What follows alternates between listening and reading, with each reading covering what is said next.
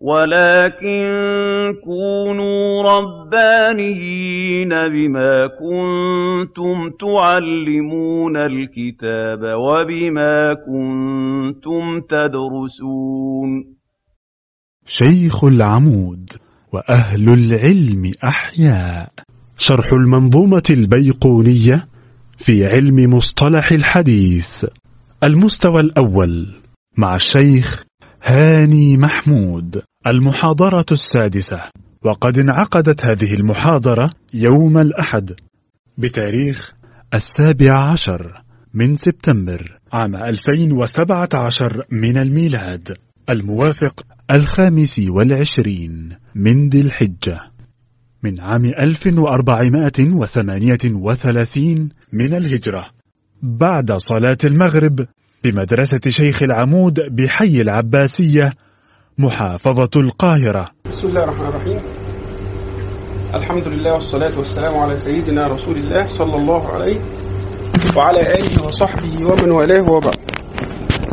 وكان في سنة كده سنناها يعني أو بدأنا فيها من المرة الفائتة اللي هي إن إحنا إيه آه، حد يقرأ لنا الأبيات بتاعت المرة اللي فاتت ويوضحها لنا باختصار بحيث بس إيه نبقى يعني متأكدين إن أنتوا معانا في الصورة وفي قدر من الاستيعاب. وبرضه من فايدة إن إحنا نعمل ده إنه لو آه، لقينا في حاجة مش واضحة نبدأ إن إحنا نوضحها مرة تانية إن شاء الله. فحد مستعد آه، يشرح لنا باختصار الأبيات بتاعة المرة اللي فاتت كنوع من أنواع المراجعة يعني.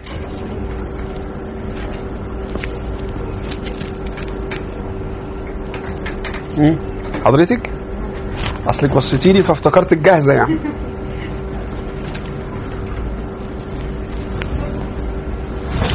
إحنا خدنا كام بيت. أيوه. تمام. لما هبص في المتن هفتكر. أنا أعتقد بدأنا من المرسل مش كده؟ مم. طيب. طب بما إنك اللي, اللي فاكرة كويس ف ابدأ أنت. إيه، عشان بس يساعدك اقرأي حتى ال- الأبيات. يعني اقرأي البيت وقولي لنا المعنى بتاعه. آه، أيوه. آه، اللي هو الحديث المرسل اللي هو منه اخر آخر خطوة. آه آه، يعني أو ال- العبارة الأدق إن إحنا نقول إيه ما رفعه الصحابي آه، إلى النبي صلى الله عليه وسلم. تمام. لأن ممكن اللي و... آه ما هو ممكن يبقى في تابعي وا- واقع برضه. آه. فهو ال ال ال ال التابعي التابعي بيرفع الحديث للنبي صلى الله عليه وسلم. أو التابعي زي مثلا سعيد بن المسيب يقول مثلا إيه قال رسول الله صلى الله عليه وسلم كذا كذا كذا كذا. يبقى ال- الأدق وأظن نبهنا عليه. هو ما رفعه التابعي إلى النبي صلى الله عليه وسلم. لأن تعريف الشيخ البيقوني زي ما قلنا انتقد. انتقد بإيه؟ حد فاكر الانتقاد اللي وجه للشيخ البيقوني؟ لسه قايلا. أيوه قلت ممكن يبقى في تابعي كمان في النص واقع آه لأن لاحظوا إن بعض الأحاديث المرسلة بيكون الصحابي واقع منه وفي تابعي كمان واقع منه. آه فمش شرط يبقى الصحابي بس هو اللي واقع تمام؟ طيب كملي الأبيات واشرحي لنا باختصار كده إن شاء الله آه، والمعضل الساقط منه اثنين مش عارفة. آه اتفضلي يا حبيبي لا انت فوتي كده. وكل غريب ما روى. واشرح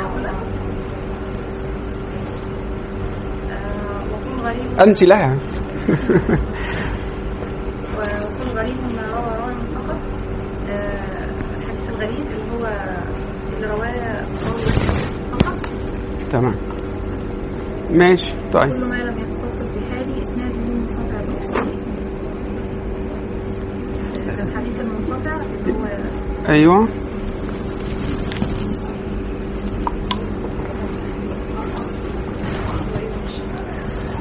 ما هو أو بيقول لم لم يتصل. يعني إيه لم يتصل؟ يعني يعني في راوي وقع من النص بالظبط كده. أيوه. في راوي وقع من النص. تمام؟ راوي أو أكثر راوي أو أكثر هو المتصل اللي هو القسم العام بتاع الأحاديث اللي وقع منها حد. يعني المتصل ال- أنا بقول إيه؟ غير آه، غير المتصل أو المنقطع. آه. يعني؟ آه، ما هو آه، منقطع الاسنان يعني في هو كلمة غير متصل يعني إيه؟ يعني وقع منه حد. لو وقع منه واحد إذا كان الواحد ده في النص بنسميه منقطع. إذا كان الواحد ده في الآخر بنسميه مرسل. لو وقع منه اتنين ورا بعض بنسميه معضل. تمام؟ طيب. يعني إيه؟ ده الحديث ال- المعضل اللي هو سقط منه آه، بس. أيوه لازم نقول على التوالي لأن لو لو لو مش ورا بعض بنسميه منقطع. بس بنقول عليه منقطع من جزئين. يعني في حتتين كل حتة وقع منها راوي بس ما سمعناهوش معضل ليه؟ عشان مش ورا بعض. تمام؟ ماشي. أكملي يا أستاذي. وما أتى مدلسا نوعين آه، الأول الإسقاط بالشيخ الشيخ وأن آه، ينقل ينقل عمن قلنا عمن فوقه الص- الصح بتاعه عمن فوقه فالحديث ال- آه، المدلس أو التدليس يعني آه، هو آه، آه، ألا يعطي معلومة كاملة وليس أن يكون كاذبا. آه بالظبط إحنا قلنا مدلس مش كذاب هو مش كذاب. هو يبقى كذاب؟ أيوه هو يبقى كذاب إمتى؟ لو قال أنا سمعت من فلان وهو ما سمعش بس هو ما بيقولش كده. هو بيدينا عبارة تحتمل إن هو سمع وتحتمل إن هو ما سمعش. اللي هي نوع من أنواع المعاريض. عارفين المعاريض؟ النبي قال إيه؟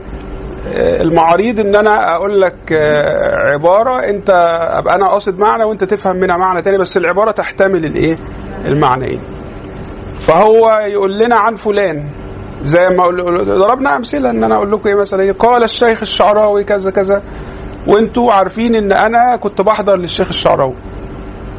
فتفهموا إن أنا سمعتها منه في الدرس. لكن أنا الجزئية دي ما كنت سمعتها منه في الدرس.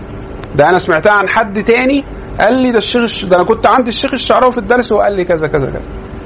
فهو أنا من تلاميذ الشعراوي. لكن ال- ال- ال- الحتة دي بالذات ما كنت سامعها منه في الدرس. حد نقلها لي عنه من الناس اللي كانت حاضرة في الدرس. تمام؟ فهو ده الفكرة المبسطة بتاعه التدليس؟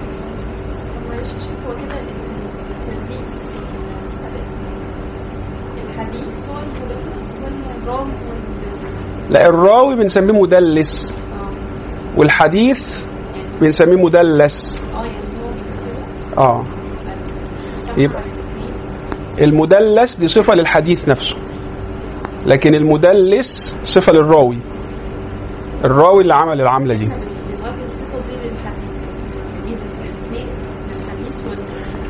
التدليس اللي هي عملية التدليس اللي عملها الراوي. ال- الراوي نفسه بنقول بنقول- عليه مدلس لأنه هو الذي قام بالتدليس. فبنخليها اسم فاعل. الحديث هو اللي حصل فيه التدليس. فبنسميه مدلس. تمام كده؟ طب وقلنا الراوي المدلس الراوي المعروف بالتدليس لا يقبل حديثه إلا إذا إيه؟ إلا إذا صرح بإيه؟ صرح بالسماع. آه. وطبعا ثبت اللقاء آه. لا ما هو لو لو ثبت اللقاء لا يكفي.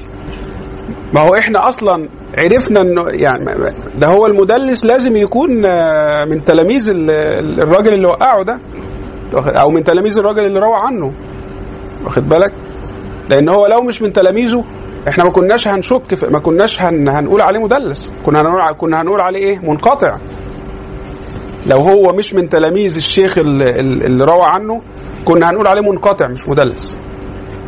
لكن ده هو مشكلة الحديث المدلس إن هو بيروي عن واحد هو برضه من مشايخه. يعني اللي هو بيروي عنه ده من مشايخه. بس الحديث ده بالذات هو ما سمعوش منه. زي زي ما أنا كده أنتوا عارفين ان أنا كنت بحضر للشيخ الشعراوي مثلا يعني. آه. فهي ال ال ال ال ال المشكلة ان أنتوا عارفين ان أنا بحضر للشعراوي. فلما أقول لكم قال الشعراوي هتفتكروا ان أنا سمعتها منه في الدرس. آه لكن أنا في الحقيقة ما سمعتهاش منه سمعتها عنه رغم ان أنا ثبت لقائي بالشعراوي.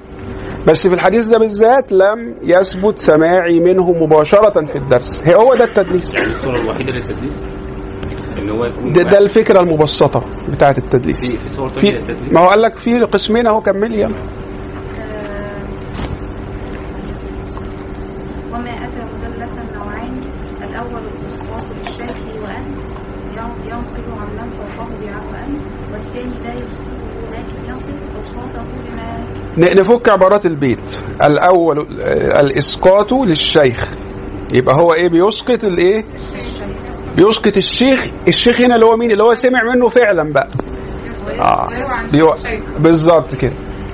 هو خلي بالك هو قابل الاثنين هو هو هو كان بيحضر للاثنين كان بيحضر للشيخ اللي وقعه واللي هو بقى سمع منه فعلا بس ما ما, ما قالناش بعبارة صريحة. وكان بيحضر للتاني اللي هو ذكره لنا في الإسناد. آه. ماشي؟ مثلا آه. بس هو وقع لنا الشيخ اللي, اللي فعلا بقى سمع منه.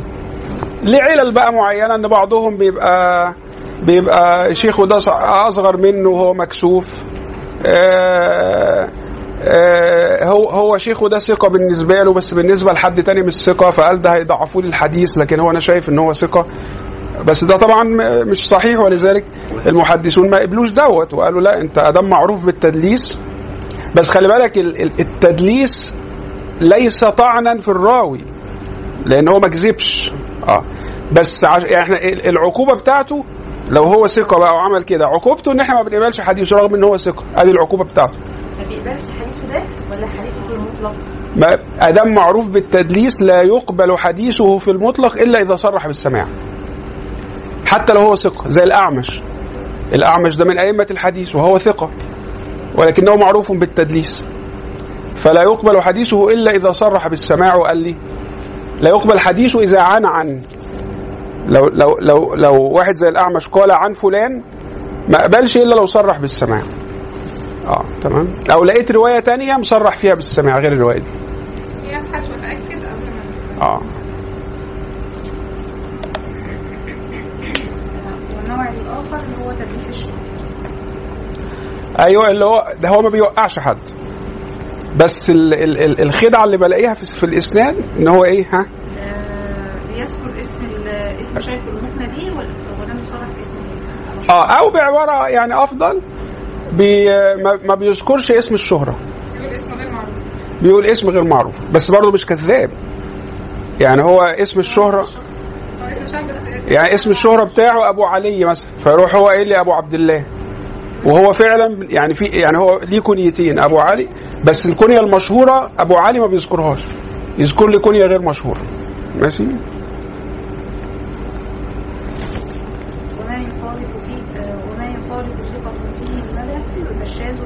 خليها بالسكون. وما يخالف ثقة فيه الملا بسكون الفاء بتاعة يخالف. عشان آه، وزن البيت ما ينكسرش وما يخالف ثقة فيه الملا فالشاذ والمطلوب قسمان ثلاثة آه. رجال راو ما براو اسمه؟ وقلب لمتن طيب يبقى وما يخالف ثقة فيه الملأ يعني إيه؟ آه الملأ يعني إيه؟ آه، أصل الكلمة إيه بتاعت الملأ؟ ملك الملأ. بالظبط كده. بس هو طبعا حذف الهمزة تسهيلا للوزن.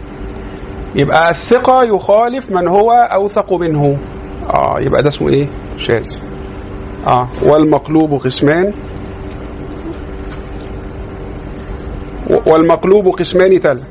هيكلمني بقى في أقسام الحديث المقلوب ها؟ إبداله؟ يعني إيه؟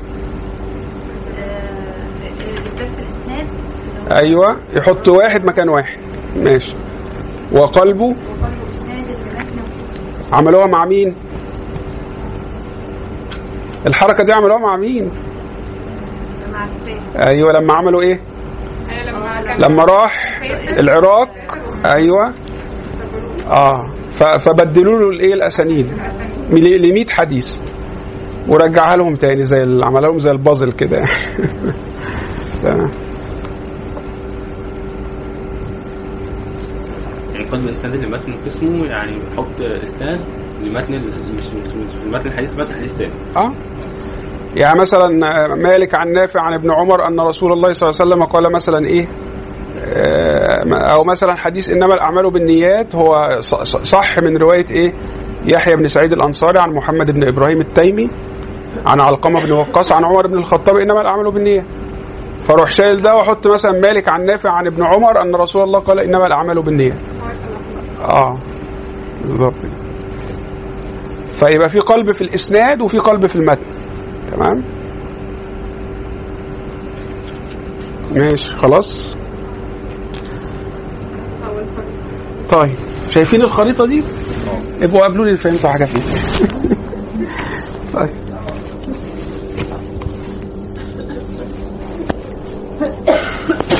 صلوا على الحبيب صلى الله عليه وسلم. هو بس أنا أنا حبيت أعمل كده ليه؟ لأن آه وده حاجة برضو عايزكم تركزوا عليها عشان الامتحان بقى إحنا قرب في امتحان على فكرة عارفين المعلومة دي ولا ما تعرفوش؟ هو ال- الأروقة ما فيهاش امتحانات؟ بتضحكوا عليا. بتدوني معلومات مضللة.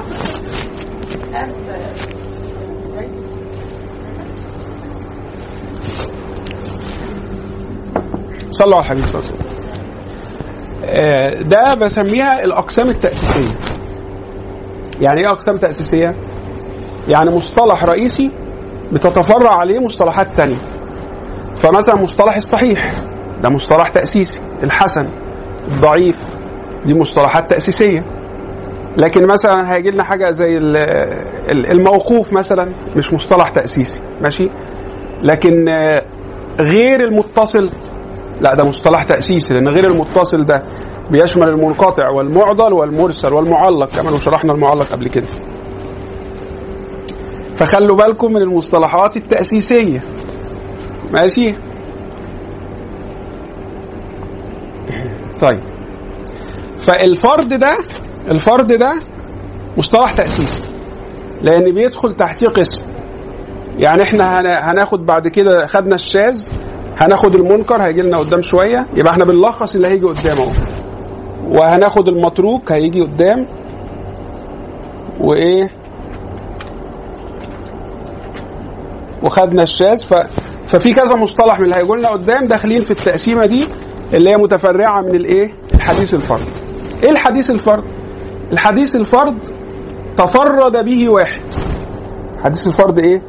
تفرد به واحد. ماشي؟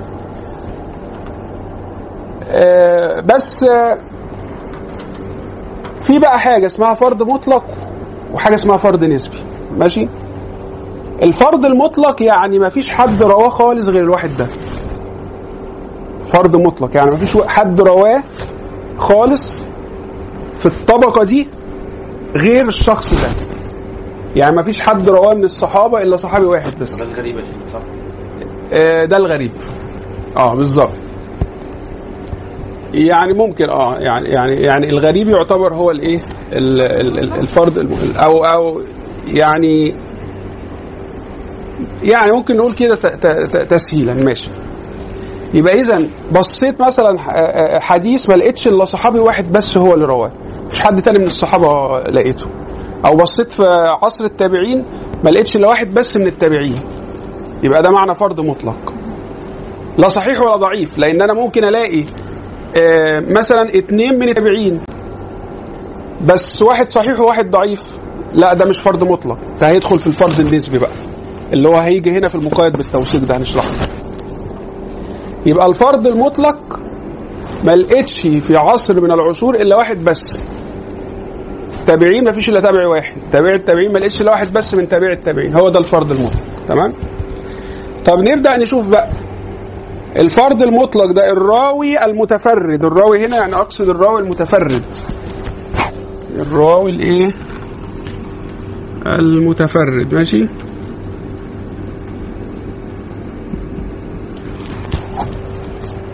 هل الراوي المتفرد ده خالف من هو أقوى منه ولا ما خالفش؟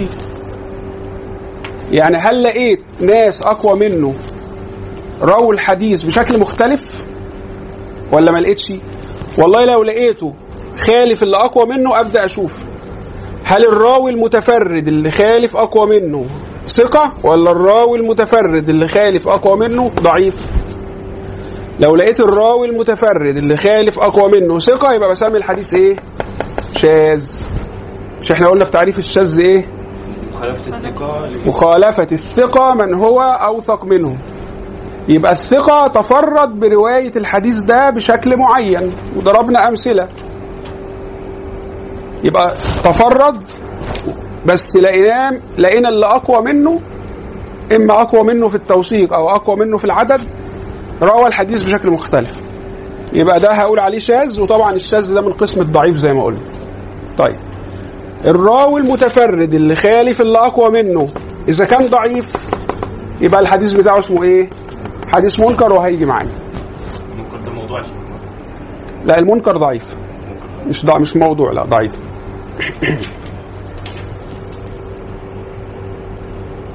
طب الراوي المتفرد برضو ماشي. لم يخالف. لم يخالف. يعني أنا مثلا لقيت واحد من أتباع التابعين. هو الواحد ده بس اللي عليه مدار الحديث. يعني يعني هو بس اللي في عصر مثلا أتباع التابعين. يعني مثلا أتباع التابعين زي مين؟ الإمام مالك بن أنس. ماشي. فلقيت حديث ما فيش حد من أتباع التابعين رواه إلا مالك. بس طبعا في ناس قبل منه وناس بعد منه فاللي قبل منه رووا عنه وهو روى عن الإيه؟ بس في الطبقة بتاعت أتباع التابعين ما لقيتش حد روى الحديث ده إلا الإمام مالك. يبقى ده اسمه فرض إيه؟ مطلق. أبدأ أشوف بقى لقيت الراوي المتفرد زي الإمام مالك مثلا في أتباع التابعين. ما خالفش. ما خالفش اللي أقوى منه. أبدأ أشوف هل الراوي ده ثقة ولا لأ؟ والله لو لقيت الراوي ده ثقة يبقى الحديث صحيح. هو ما خدتش إزاي لما هو ما فيش غيره أصلا في الطبقه دي. يعني هو خالد يعني كده يا شيخ ما فيش أصلا غيره هو؟ ما فيش غير حديث رواية؟ أيوه ما ما خالفش يعني ما لقيناش حد تاني رواه الحديث مثلا بعبارة مختلفة. مش هو كده مش؟ متفرد. لا متفرد. آه ما فيش غيره آه. طب هو خالد مين لما هو ما فيش غيره؟ ما خالفش مين آه، طب اللي قبله ما لقيتش رواية مختلفة. هو تفرد باللفظ ده هو تفرد بهذا اللفظ. يعني مثلا عندنا حديث في المال حق سوى الزكاة. الحديث ده أدي معنى المخالفة بقى. لقيناه بلفظ تاني ليس في المال حق سوى الزكاة. أدي معنى المخالفة. فمثلا هلاقي واحد بيقول لي في المال حق سوى الزكاة. مثلا مثلا مثلا آه، مثلا آه، آه، سفيان بن عيينة مثلا. قال قال لي في المال حق سوى الزكاة. لكن جيت لقيت مثلا. مالك بن أنس و برضو من أتباع التابعين مين؟ الزهري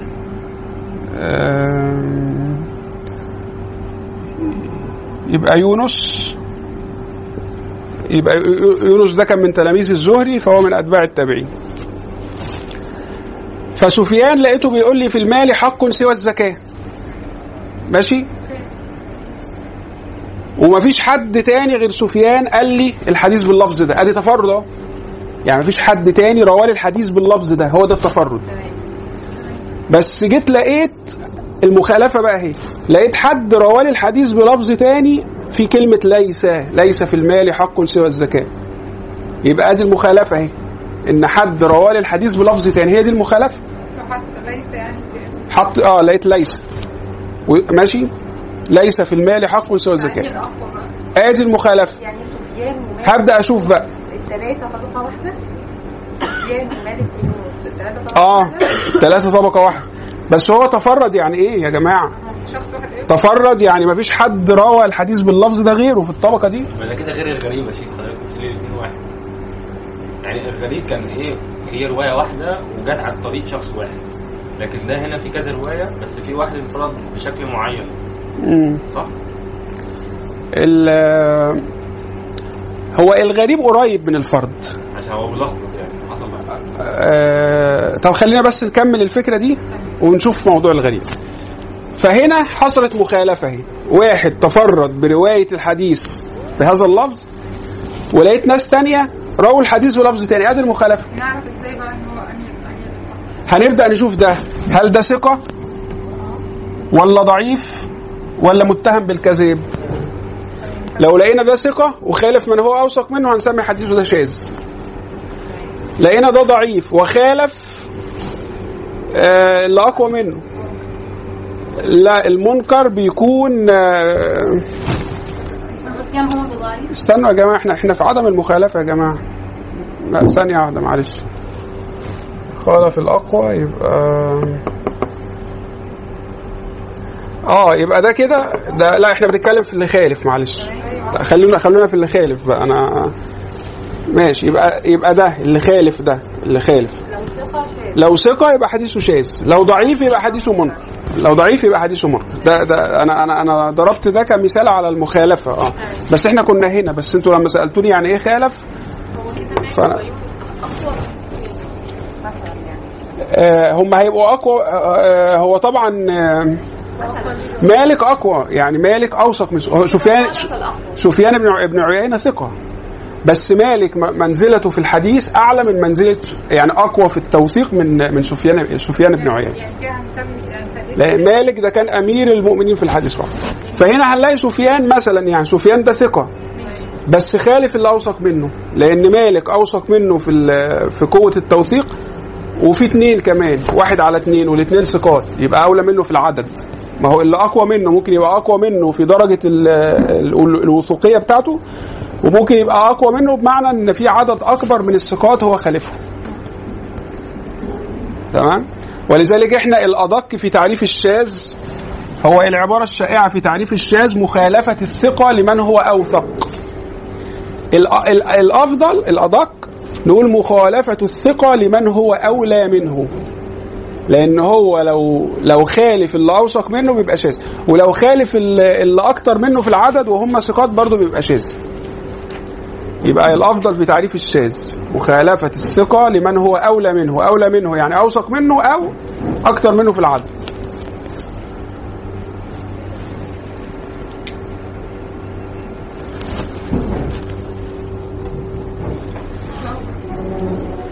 طيب نقول من الأول معلش أنا عارف إن هي بتلخبط شوية. يبقى إحنا بنك... هنبدأ من الأول. الحديث الفرد انفرد به راو واحد.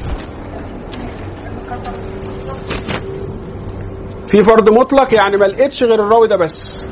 يبقى اللفظ ده مثلا ما لقيتوش غير للراوي ده بس. هبدأ أشوف الراوي ده خالف حد أقوى منه ولا ما خالفش؟ لو خالف حد أقوى منه والراوي ده كان ثقة يبقى الحديث بتاعه شاذ.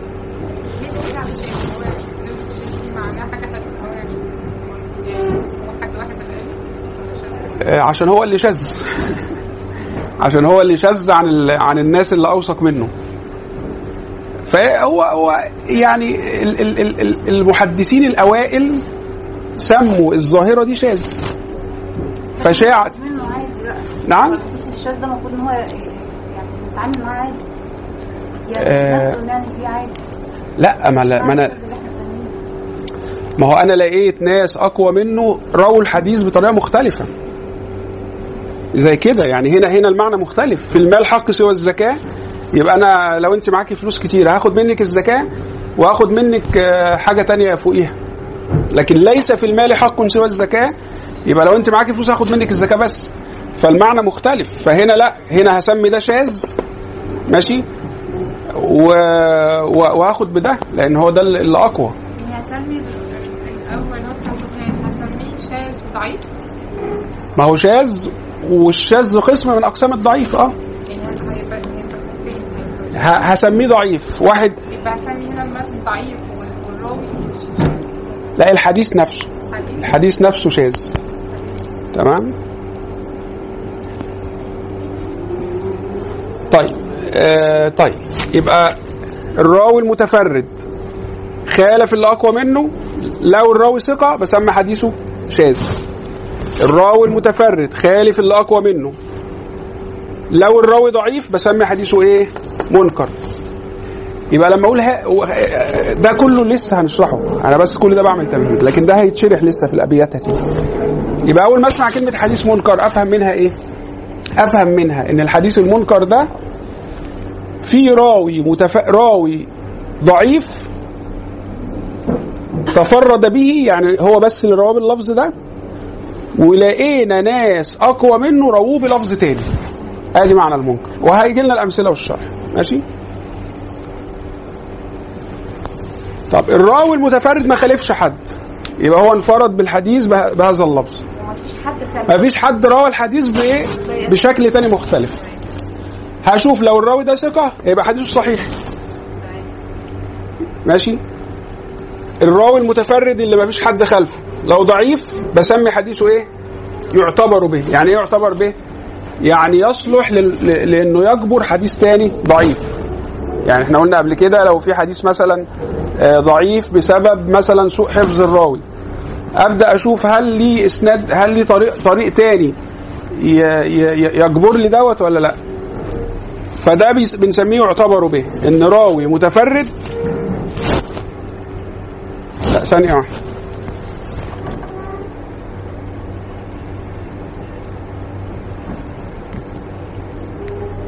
طب بلاش كلمة يعتبر به. لا بلاش كلمة يعتبر به معلش. أصل دي أنا زودتها للتوضيح بس آه،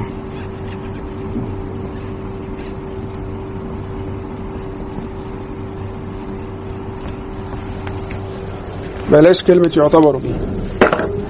يبقى الراوي المتفرد ما خالفش حد تاني. لو كان ثقة يبقى حديثه صحيح.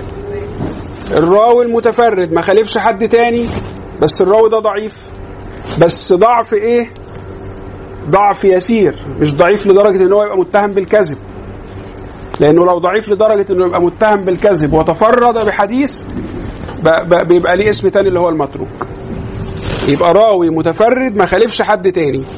والراوي ده ضعيف يبقى برضه حديثه ضعيف. بنسميه بيبقى ضعيف. ملوش اسم معين يعني. الراوي المتفرد ما خالفش حد تاني؟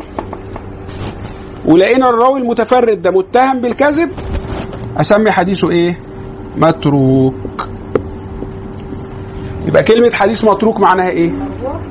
لا يعني مش هو يعني هو من قسم الضعيف بس بيبقى شديد الضعف يعني تحت مرتبة الضعيف يعني بين الضعيف وال... بين الضعيف والموضوع ماشي؟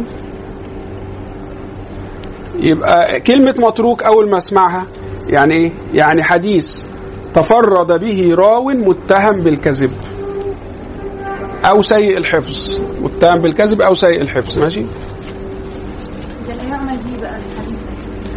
آه آه، ده لا يعمل به ده ده شديد الضعف حتى لا لا يصلح ل... لأنه يجبر غيره كمان. ما لا يصلح. ضعيف لا يصلح. المتروك لا يصلح إنه يجبر غيره. غير عشان الضعف اللي فيه شديد.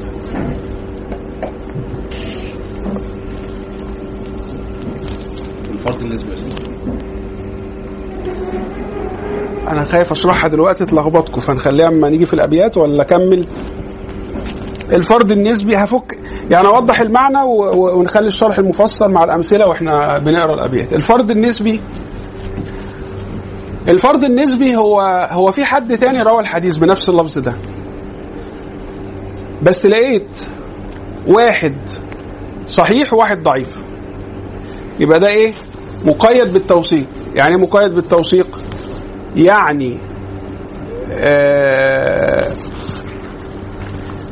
يعني أقول هو هو صحيح يعني تفرد به فلان أو لم يصح إلا برواية فلان. زي حديث إيه؟ إنما الأعمال بالنيات. إنما الأعمال بالنيات فرض نسبي. ليه؟ لأن هو ال ال ال الإسناد الصحيح بتاع إنما الأعمال بالنيات اللي إحنا كتبناه لكم قبل كده اللي هو يحيى بن سعيد الأنصاري عن محمد بن إبراهيم التيمي عن علقمة بن وقاص الليثي عن عمر بن الخطاب. فيحيى بن سعيد الأنصاري عن محمد بن إبراهيم التيمي عن علقمة بن وقاص الليثي عن عمر بن الخطاب رضي الله عنه. ده الإسناد الصحيح بتاعه. فهو لم يصح إلا بهذا الإسناد. تمام؟ ولكن هو ورد بأسانيد أخرى لكنها كلها إيه؟ كلها ضعيفة. آه يبقى ملوش إلا الإسناد ده بس هو اللي صح بيه صح بهذا الإسناد فقط. فده يبقى فرض نسبي. مش مطلق لأن هو اتروى بأسانيد تانية بس كلها ضعيفة. وده بنسميه مقيد بالتوثيق اللي هو ذكره الشيخ لما قال إيه؟ آه وال- والفرض ما قيدته بثقتي أو آه أو جمع أو قصر على روايتي يبقى والفرض ما قيدته بثقتي هو كان بقى البيت ده وارد في الفرض النسبي عشان جبت لكم الفرض المطلق الأول لأن هو كان يعني ما عملوش بيت مخصوص. بس أنا مش هفهم الفرض النسبي إلا لو فهمت الفرض المطلق الأول. يبقى هو قال في البيت والفرد والفرد ما قيدته بثقتي. آه يبقى هو في حد تاني رواه الحديث بس ما صحش إلا بهذا الإسناد فيبقى ده فرد نسبي. والفرد ما قيدته بثقتي أو جمع أو جمع ألاقي الحديث هو رواه أكتر من واحد. بس الناس دول كلهم من أهل مكة. فيبقى فرد نسبي لأنه من رواية المكيين. هو فرد عشان خاطر ما لقيناش حد رواه غير أهل مكة بس. وليه نسبي؟ عشان في كذا واحد رووه بس كلهم من مكة. تمام؟ مفيش مشكلة. هو مفيش مشكلة بس هو الظاهرة دي يعني كل ظاهرة بتظهر في الرواية أئمة الحديث بيحطوا لها مصطلح يعبر عنها. لأن مش معقول كل ما- ما يحب يوصف لي ظاهرة معينة يقعد يشرح لي نص ساعة. فهو يقول لي آه، مقيد بثقة مقيد بجمع. أفهم أنا مقيد بجمع يعني من رواية المكيين من رواية البصريين من رواية الشاميين من رواية المدنيين أهل المدينة وهكذا. فرض نسبي مقيد برواية يقول لي لم يرويه عن فلان آه لم يرويه عن فلان إلا فلان. وهتيجي في في الأبيات وإحنا بنقرأ الأبيات إن شاء الله. طيب.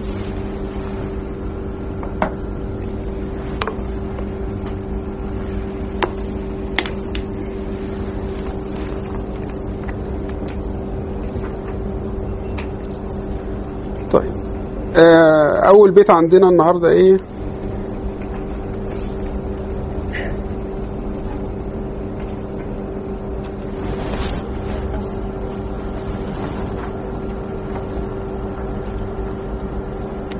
والفرق ما قيدته بثقته والفرد ما قيدته بثقتي أو جمع أو قصر على روايته. هو هنا ما جابش الفرد المطلق وإحنا شرحنا الفرد المطلق. وأقسام الفرد المطلق هيجيبها بعد كده. أقسام الفرد المطلق هتيجي بعد كده اللي هي المنكر والمتروك وما إلى ذلك. تمام؟ فهو هنا اكتبوا بقى جنب البيت ده هو يتكلم عن الفرد النسبي. جنب البيت ده كده اكتبوا هذه أقسام الفرد النسبي. ولما نيجي عند أقسام الفرد المطلق اللي هي المنكر والمتروك هننبه عليها. آه تمام.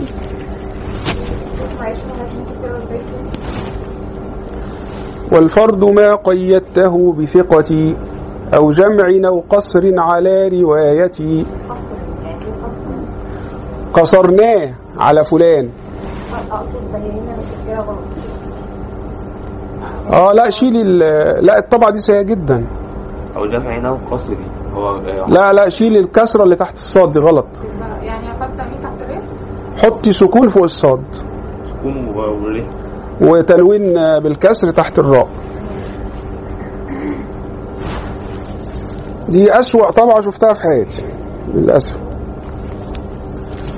ولذلك أنا بفكر أراجع الكتاب دوت و- وأعيد طباعته تاني في مكان تاني محققا يعني آه، سيء جدا الطباعة. المكتبة دي نفس نفس المكتبة دي كانت طبعا كتاب الصرف كده برضه نفس الحجم لكن. عنوان الظرف. آه. برضه استغفر الله العظيم. أصلا الصرف كله أصلا عبارة عن تشكيل ويعني يعني أصل هي في في مكتبات ما فيهاش لجنة علمية. آه. يعني أحسن طباعة رغم إن هي كتب صفراء وقديمة بس أحسن طباعة هي الحلبي لأن الحلبي كان في أصلا الشيخ المؤسس اللي هو الشيخ مصطفى البابي الحلبي ده كان من علماء حلب وجه استقر في القاهرة. فهو المؤسس نفسه كان من العلماء. مطبعجي بس من يعني كت- كتبي بيسموه الكتبي. بس من العلماء. وكان في لجنة علمية كان بيرأسها الشيخ أسعد علي وراجعوا كل الكتب قبل طباعتها. فأي حاجة الحلبي بس مصطفى الحلبي على وجه الخصوص ثم فيصل الحلبي وفي عيسى البابي الحلبي. بس مصطفى البابي الحلبي ده أحسن طباعة في مصر إلى الآن. اللي, اللي اللي عمل الشغل بتاع الحلبي بقى مكتبة المنهاج دار المنهاج. يعني بس بلاقي ال ال ال الكلمة مش غلط مش مكتوبة غلط. يعني هنا هو حاطط لي تشكيل غلط حاطط لي كسرة تحت الصاد. هو يا ريته ما حطش تشكيل أصلا. لكن ده هو شكل غلط. فهو كده هيخليني أقرأ غلط وهيبوظ المعنى بتاع الأبيات. تمام؟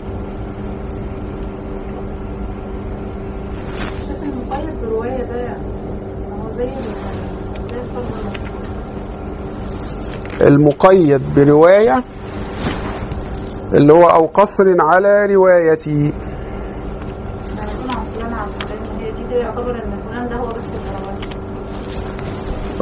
ال- لم يروه. لا. لأن هو بيقول إيه؟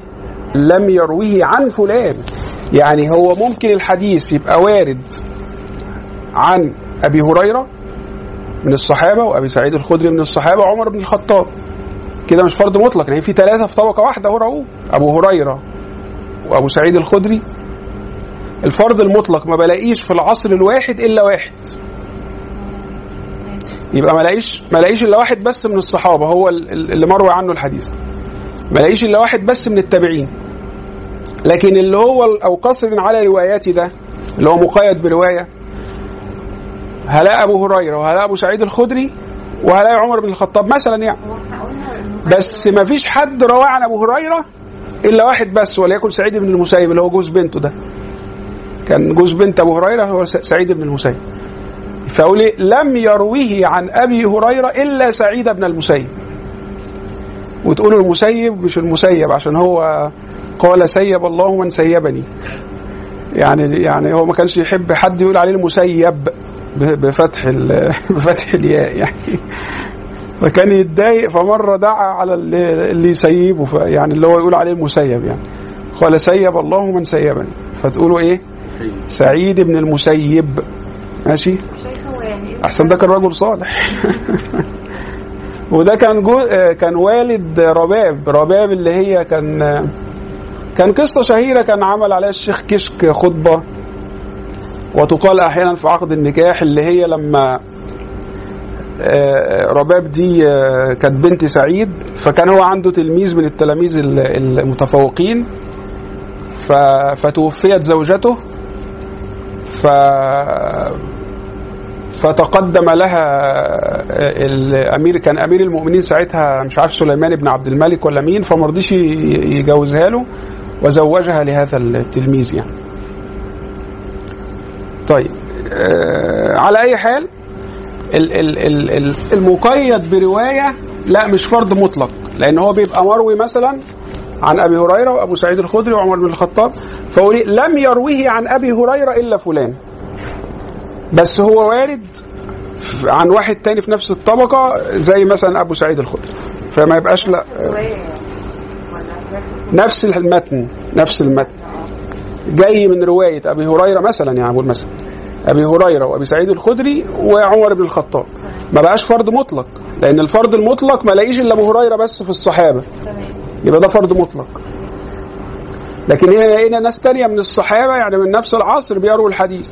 ما بقاش فرض مطلق بقى فرض نسبي. بس هو فرض نسبي ليه؟ عشان لم يرويه عن أبي هريرة إلا سعيد بن المسيب. آه فبقى مقيد برواية. فقول لم يرويه عن فلان إلا فلان. الفرض المطلق بقى لو لو كنت قلت إيه؟ لو كنت قلت لم يرويه إلا فلان. آه. يبقى لم يرويه الا فلان يبقى ده فرض مطلق لم يرويه عن فلان الا فلان يبقى فرض نسبي مقيد بروايه تمام صليتوا على الحبيب الله عليه وسلم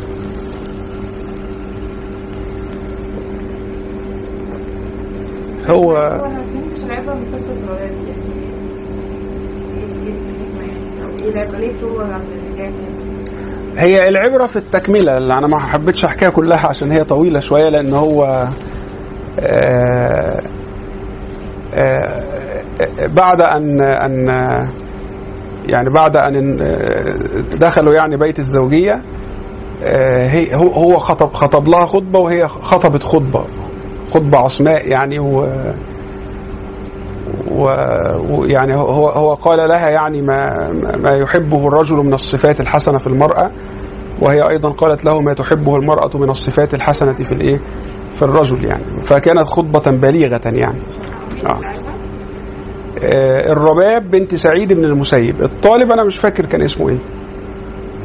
فدي آه آه. فهو اسمها الرباب بنت سعيد بن المسيب هي اللي قالت الخطبه أو هو هي هو هو هو الأول خطب خطبة. يعني يعني قال لها لا مش مش خطبة يعني. هو هو كان كان خلاص هم كانوا آه، يعني كتبوا الكتاب ودخلوا معا بيت الزوجية يعني. فهو يعني آه، يعني قال يعني آه، بسم الله يعني أو الحمد لله رب العالمين وأشهد أن لا إله إلا الله كأنه بيخطب الجمعة يعني. وبدأ يعني بعبارات بليغة يقول لزوجته الصفات الحسنة التي يحبها الرجل في المرأة.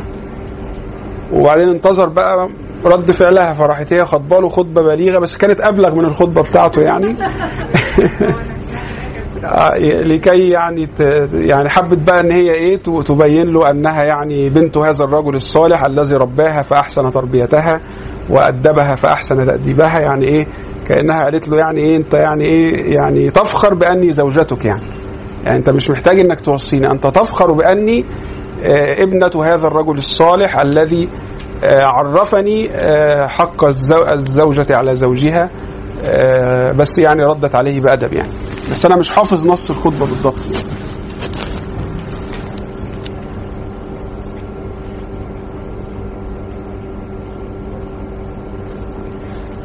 طيب يبقى والفرد ما قيدته بثقتي.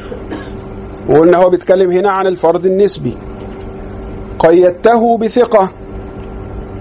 يبقى إيه؟ لم يرويه ثقة إلا فلان. اكتبوا كده. قيدته بثقة يعني إيه؟ العبارة اللي بيقولها المحدثين تعبيرا عن هذه الظاهرة يقول لك إيه؟ لم يرويه ثقة إلا فلان. يعني في ناس تانية في, في هذه الطبقة أو في هذا العصر رووا الحديث بس مش من الثقات. لم يرويه ثقة إلا فلان.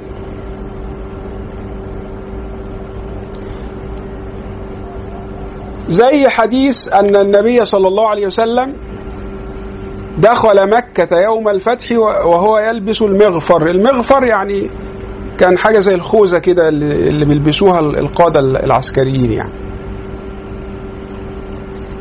فهذا حديث صحيح أن النبي صلى الله عليه وسلم دخل مكة يوم الفتح بالمغفر يعني يلبس هذا المغفر يعني.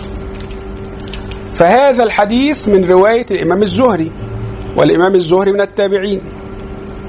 ولم يرويه ثقة عن الزهري إلا الإمام مالك بن أنس رضي الله عنه. فنقول لم يرويه ثقة عن الزهري إلا مالك. يبقى ده إيه؟ والفرد ما قيدته بثقة. يبقى لم يرويه ثقة إلا مالك. يعني في طبقة أتباع التابعين لم يرويه ثقة إلا مالك. في ناس تانية روته من أتباع التابعين غير مالك بس مش من الثقات. يبقى دي والفرد ما قيدته بثقتي. أو جمع أو قصر على روايته. أو جمع زي حديث أن النبي صلى الله عليه وسلم قال إذا سجد أحدكم فلا يبرك كما يبرك البعير وليضع يديه قبل ركبتيه. ماشي؟ آه فده من رواية أهل المدينة. يبقى نقول إيه؟ هذا من رواية أهل المدينة.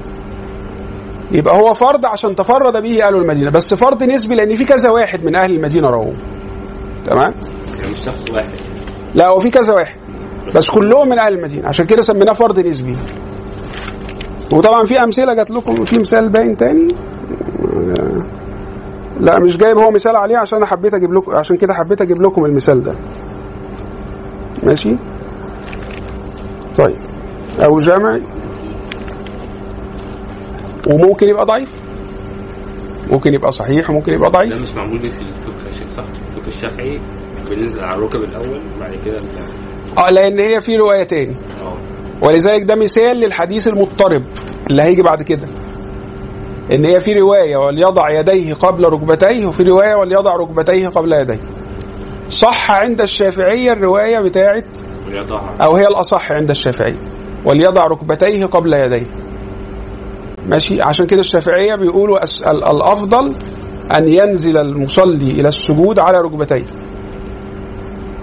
في ناس تانية زي الإمام ابن القيم مثلا آه، آه، شاف إن صحت عنده الرواية بتاعت وليضع يديه قبل ركبتيه اللي هي دي اللي إحنا قلناها دي. فعلى حسب هو وده حديث مضطرب أهو. وهيجي لنا إحنا المضطرب ولا جه المرة اللي فاتت؟ وذو اختلاف سند أو متن مضطرب عند أهيل الفن. فده مثال للمضطرب أهو. وبرضه من أمثلة المضطرب ده في المال حق سوى الزكاة ليس في المال حق سوى الزكاة. هيجي لنا المضطرب على أي حاجة طيب. والفرد ما يعني النسبي؟ والفرد ما قيدته بثقة أو جمع أو قصر على روايته. قيدته بثقة يعني لم يرويه ثقة إلا فلان. ماشي؟ ده كده أنا براجع. والفرد ما قيدته بثقة لم يرويه ثقة إلا فلان. أو جمع آه، رواه أهل المدينة رواه أهل مكة وذكرنا مثال.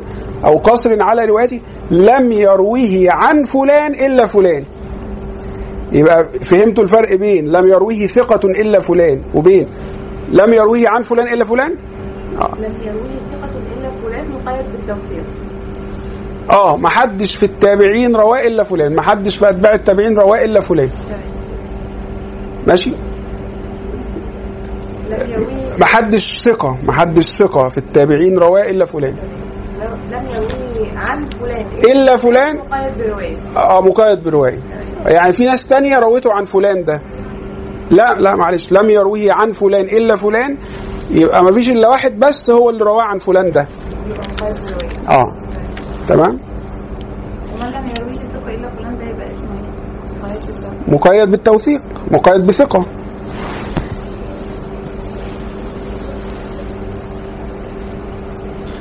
هو علم مصطلح الحديث أنا بشبهه بعلم الرياضيات. يعني أنا في المصطلح بحس إن أنا في في بشرح رياضيات وهو فعلا علم رياضي وعلم عقلي. طيب. أو جمع أو قصر على روايتي قلنا قصر على روايتي تفرد به فلان عن فلان أو لم يرويه عن فلان إلا فلان. تمام؟ بس ده ما يمنعش إن في ناس تانية في نفس الطبقة روته بس عن بس إحنا قلنا أبو هريرة صحابي وأبو سعيد الخدري صحابي وعمر بن الخطاب صحابي. ماشي؟ بس لقينا مثلا ثلاثة أربعة رواه عن أبو سعيد الخدري. ثلاثة أربعة رواه عن عمر بن الخطاب. بس لقينا واحد بس هو اللي رواه عن أبو هريرة وليكن سعيد بن المسيب. فنقول لم يرويه عن أبي هريرة إلا سعيد بن المسيب. أفهم من كده إيه؟ إن في ناس تاني من الصحابة غير أبو هريرة رووه. بس أنا عايز أقول إن أبو هريرة ما حدش رواه عنه إلا فلان. فهو ده اللي إيه أو, أو, أو قصر على رواياته. معلش باختصار كده. لم يرويه ثقة إلا فلان؟ آه. بصينا في عصر الص... بصينا بلاش بقى الصحابة لأن الصحابة كلهم. بصينا في عصر التابعين ما لقيناش إلا واحد بس. ما فيش ولا واحد تاني من التابعين أصلا. آه لا ثانية واحدة. بصينا في عصر التابعين.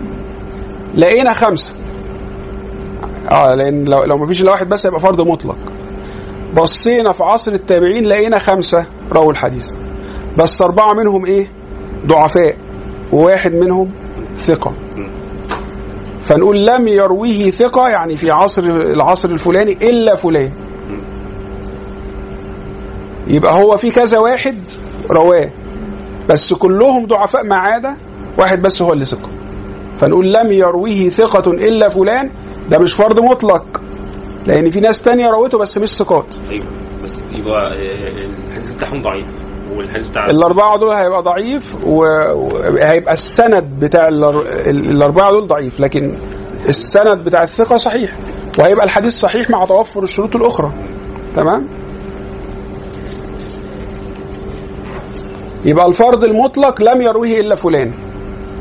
الفرض النسبي المقيد بثقة لم يرويه ثقة إلا فلان.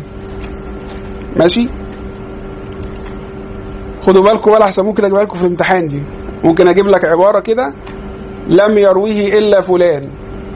فرض وافتح لك قوس. مطلق ولا نسبي؟ آه، هتقولوا إيه؟ لم يرويه إلا فلان مطلق. طب لم يرويه ثقة إلا فلان. فرض افتح قوس. مطلق ولا نسبي. آه خدوا بالكم بقى.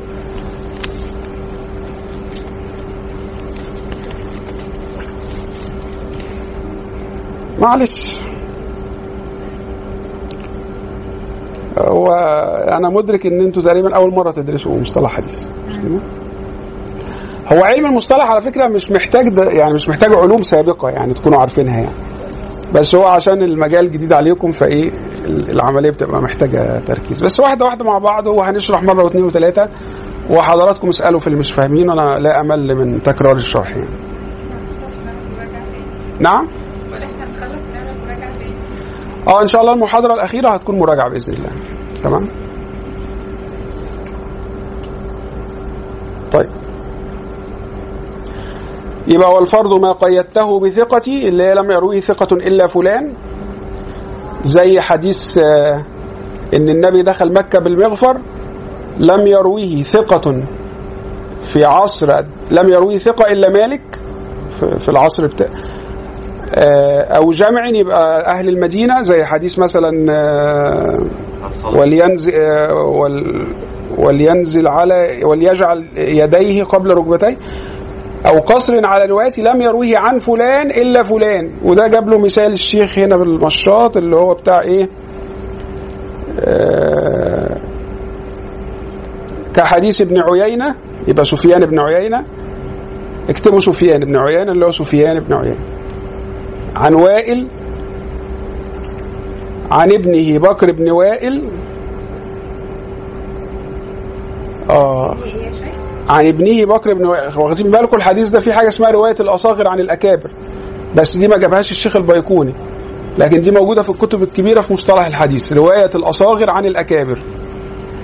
ال إن ال ال ال لا أنا آسف. رواية الأكابر عن الأصاغر معلش. رواية الأكابر ما هو ال- الطبيعي رواية الأصاغر عن الأكابر. لكن الغريب هنا إيه؟ الشيء الغريب يعني رواية الأكابر عن إن الأب بيروي عن ابنه. وائل اللي هو الأب بي- بيبني آه، بيروي عن ابنه بكر بن وائل. فدي بيسموها رواية الأكابر عن الأصاغر. ماشي؟ عن الزهري عن أنس أن النبي صلى الله عليه وسلم أولم على صفية بسويق بسويق وتمر صفية هنا اللي هي ستنا مين؟ بنت. ها؟ ها؟ بنت إيه؟ صفية بنت حيي؟ صفية بنت حيي بن الأخطب. الأخطل ده كان شاعر نصراني اللي هو قال البيت بقى اللي بنستشهد بيه في- أو يعني بيستشهد به في العقل اللي هو إيه بقى؟ الأخطل ده كان شاعر نصراني. في عصر الأمويين. آه آه. وهو اللي قال إيه؟ إن الكلام لفي الفؤاد وإنما جعل اللسان على الفؤاد دليلا. سمعتوا البيت ده قبل كده؟ آه. فده البيت ده قاله الأخطل النصراني ده الشاعر ده. الأخطل بالله. لكن الأخطب اللي هو جد ستنا صفية زوجة النبي صلى الله عليه وسلم. صفية بنت حيي بن الأخطب. ماشي؟ وكان آه، أبوها زعيما من زعماء؟ اليهود.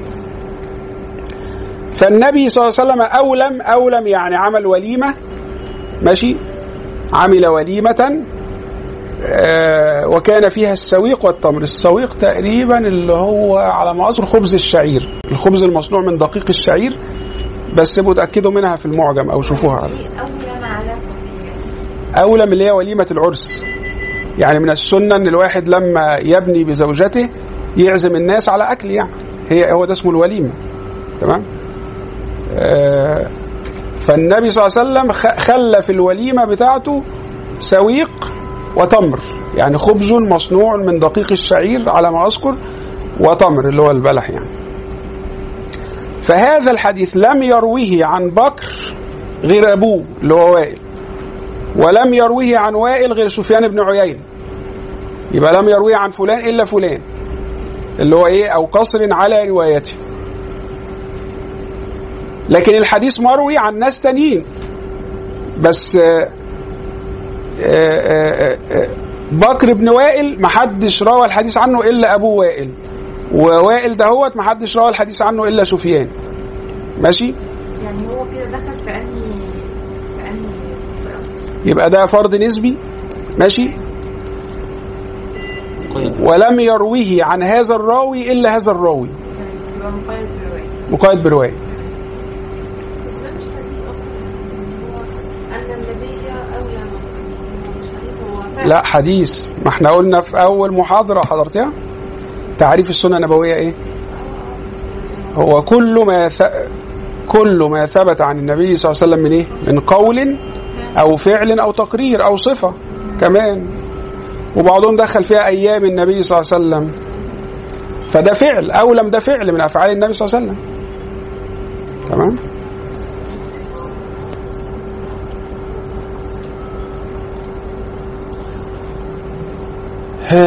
معلش. أنا عارف إن هي كانت علقة فكرية سا- ساخنة بس إيه آه، كان آه، لابد إن إحنا نعمل يبقى يبقى نراجع تاني بقى. نراجع تاني. الحديث الفرد يا إما فرد مطلق يا إما فرد نسبي. الفرد المطلق ما فيش حد في العصر ده رواه إلا الراوي ده. ما فيش حد ت... آسف. ما فيش حد تاني في العصر إلا الراوي ده. لا في حد تاني ثقة ولا في حد تاني ضعيف. ما فيش إلا الراوي ده بس هو اللي راوي. آدي الفرد المطلق. هنبدأ نشوف. الراوي المتفرد خالف اللي أقوى منه ولا ما خالفش؟ خالف اللي أقوى منه هنقول عليه حديث شاذ. لو كان ثقة لو كان الراوي ثقة بنقول عليه حديث شاذ. خالف اللي أقوى منه وكان الراوي ضعيف بنسميه حديث منكر. يبقى أول ما أسمع كلمة شاذ أعرف على طول إن في مخالفة. أول ما أسمع إن كلمة منكر أعرف على طول إن في مخالفة وأن الراوي المتفرد ضعيف. طيب.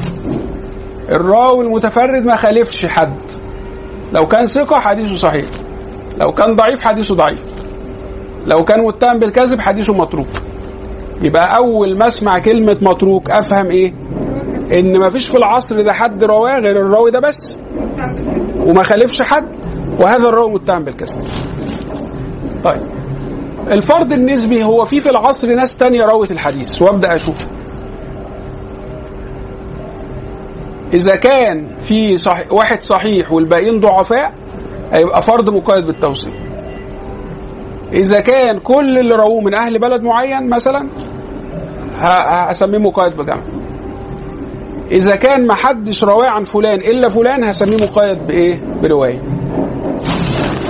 أو مقصور على رواية. ماشي؟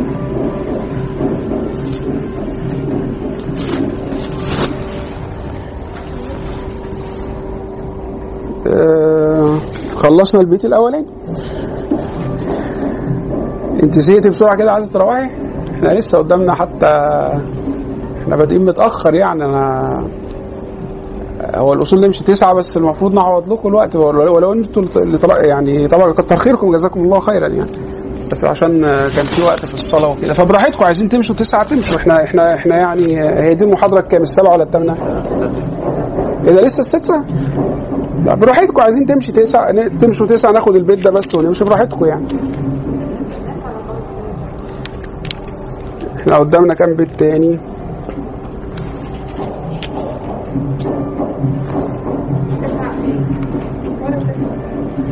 تسع ابيات وبقينا أربع محاضرات؟ أو فاضلنا ثلاثة والاخيره الامتحان طب الحديث المضطرب هناخده؟ لأن هو ما فيهوش كلام كتير. يبقى خدنا على الأقل ثلاث أبيات. عشان إيه؟ عايزين نعمل المحاضرة ال- العشرة ديت بيبقوا تسعه ولا عشرة؟ 10 10 ما هو خلوا الامتحان على على على النت مش كده؟ لا لا العشرة أصل هو كان النظام الأول إن الامتحان بيبقى شفوي وكتابي في الدرس. أنت ما لحقتيش بقى النظام ده. فهم النظام الجديد إن الامتحان بيبقى على النت أونلاين وبناخد المحاضرة العشر عادي. في شو بعض الدورات بيبقى فيها امتحان شفوي مع يعني مع مشايخ يعني. بيشترطوا في امتحان شفوي. جنب جنب النت لو في حاجة شافوا أنا ممكن كل بيت يصلح إن أنا أسألكم فيه سؤال شفوي يعني. ما, ما عنديش أي مشكلة يعني. وفي الحقيقة أنا أفضل هذا لأن الفقه الشافعي ال- الف... أنا كنت بدي فقه شافعي واحد المرة اللي فاتت فساعة التكريم أنا وجدت الأخت الحاصلة على المركز الأول أنا ما ما شفتهاش قبل كده تقريبا أو يمكن شفتها مرة بس اللي حضرت فيها. في حين إن الناس اللي اشتغلت معايا كويس مش هم اللي حصل حصلوا على المركز الأول أو مش حد منهم اللي حصل على المركز الأول. فأنا كنت مشتاقا يعني إن إن حد يعتمد على سماع الدرس بس ياخد المركز الأول. هي قد تكون أخت نبيهه وكل حاجة بس بس أنا كنت لأن أنا ما عملتش امتحان شفوي. فكان الاعتماد بس على الامتحان اللي اتعمل أونلاين وكان صح وغلط واختيار من المتعدد. فممكن تيجي كده بالحظ باي لك ولذلك أنا بفكر أعمل امتحان شفوي. ففي آخر محاضرة اللي هنراجع فيها إن شاء الله هنقول لكم على نظام الامتحان إيه. وهل هيبقى فيه شفوي ولا لأ. ماشي؟ لأن طبعا في ناس مسجلة معاكم وما بتحضرش. لحسن نيجي نلاقي المركز الأول كمان حد من الإخوة اللي ما بيحضروش خالص هو اللي حصل على المركز الأول. ف... ف... ف... فتحسر على نفسي أنا الحقيقة يعني ساعتها زي ما اتحصرت على نفسي في الفقه واحد. إيه؟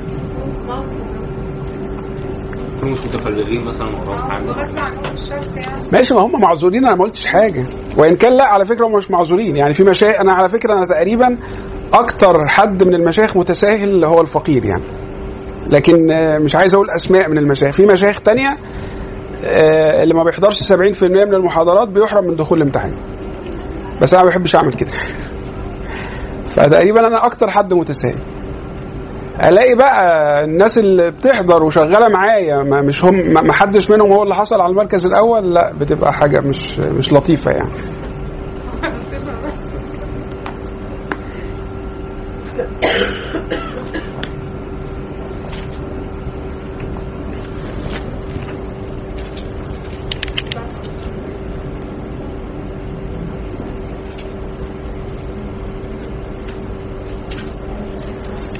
طيب يا جماعة.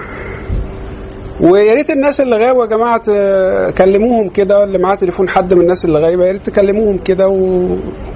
وتطمنوا عليهم يعني. اطمنونا يعني والغرض من السؤال بس تطمنونا يعني.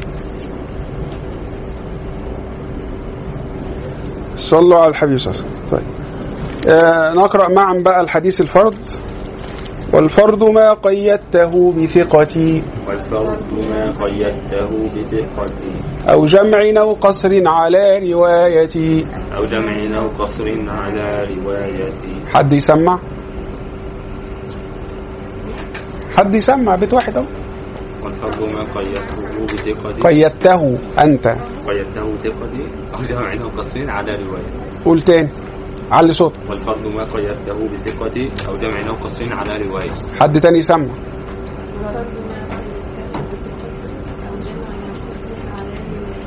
يلا نعمل زي ال- العبد والجارية والمأمون بتاعت آه، بتاعت الأصمعي دي اللي قعدوا يغنوها يجي سنتين دي قعدوا كان كانت بتقول إيه؟ آه. اللي هو المأمون كان يحفظ من مرة واحدة إذا سمع وله عبد يحفظ من مرتين وله جارية تحفظ من إيه؟ من ثلاث مرات. فالأصمعي آه، عمل له. فكان أي شاعر يدخل ماشي فكان أي شاعر يدخل آه بتاعت صوت سفير البلبلي وليها عارفين حكايتها؟ آه آه فالأخ ده حفظ من أول مره والأخت دي حفظت من مرتين. يلا مين بقى اللي الذاكره بتاعته بتجيب من ثالث مرة؟ اتفضل حاجة بتاعها قيدته بثقتي أو جمع أو قصر على أو جمع أو قصر على روايتي مين بيحفظ من رابع ما قيدته.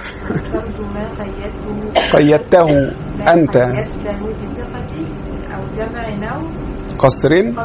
على روايتي آه. هو كده مش باقي غير اتنين. مين الخامس ومين السادس. بثقتي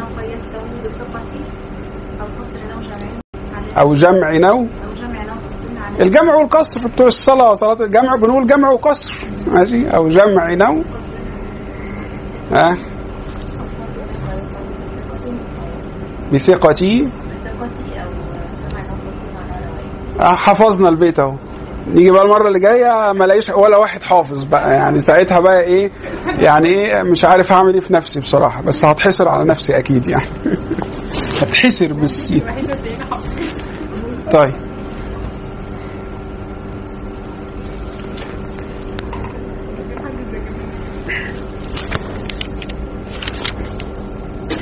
وما بعلة غموض أو خفا وما بعلة غموض أو خفا معلل عندهم قد عرفا معلل عندهم قد عرفا وما بعلة غموض أو خفا وما بعلة غموض أو خفا غموض أو خفا غموض أو خفا بالتسهيل كده زي قراءة مين؟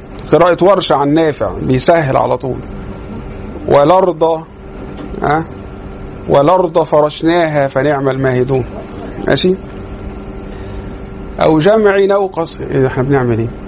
وما بعلة غموض أو خفا وما بعلة غموض أو خفا معلل عندهم قد عرفا معلل عندهم قد عرفا ده بقى واحد منكم يشرحه.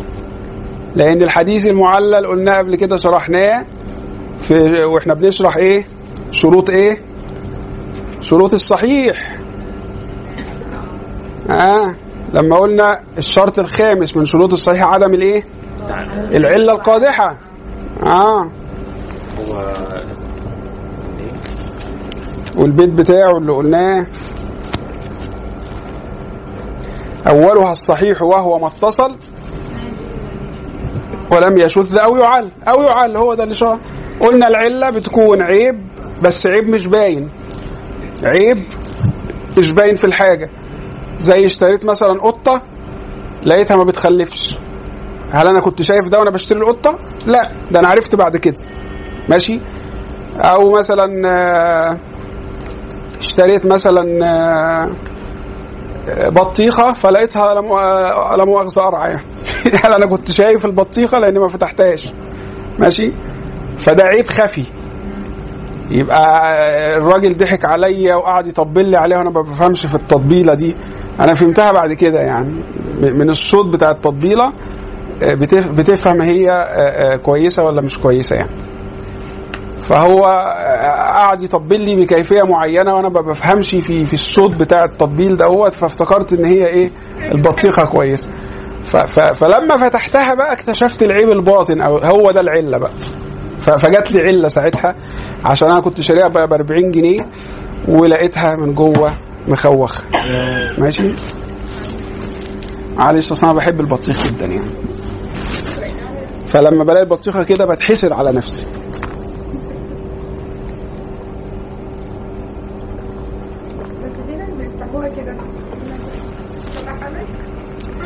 ما هو الانقح إن هو بيفتحها لك وبتلاقيها حمراء بس لما تدو- تدوقيها بعد ما ترجعي البيت تلاقيها استغفر الله العظيم. رغم ان هي يعني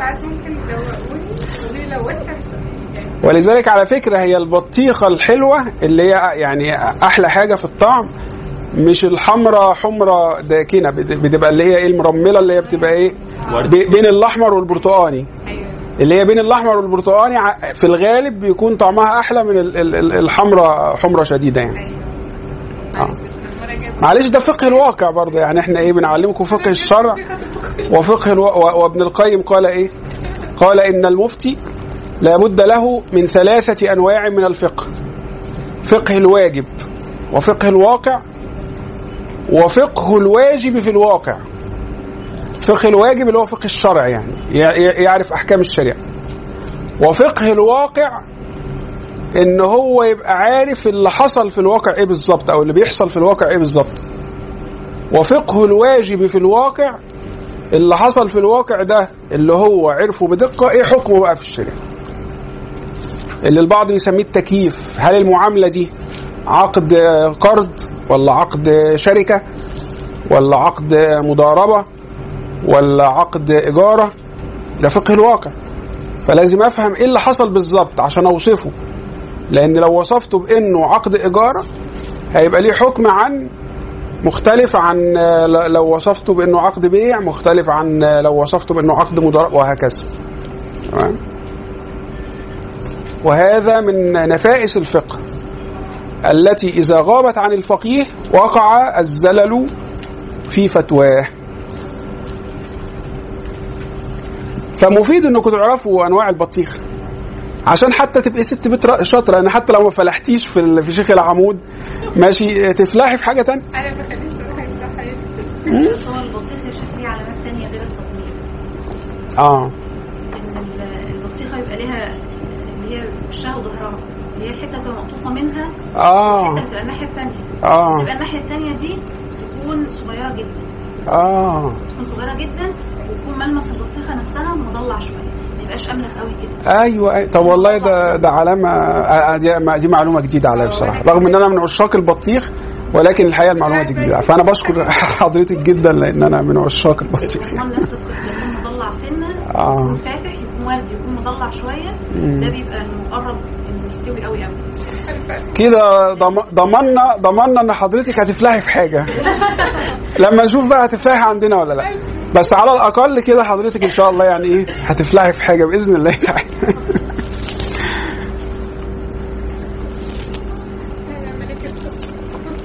طبعا ده مش معناه إن أنا من المدرسة بتاعه آه، الست ولو طلع الست ولو طلعت المريخ آخرها للبيت والطبيخ. يعني هذا لا يعني أني من أنصار هذه المدرسة لكن أنا أنا أنا بحاول أرفع من معنوياتكم بإنكم إن شاء الله فالحين في حاجة يعني. لكن إن شاء الله برضه هتفلحوا معانا بشكل عام نعم. آه، ده لابد أن تكون ناجحة في في الثنتين. زي رباب كده بنت سعيد بن المسيب كده.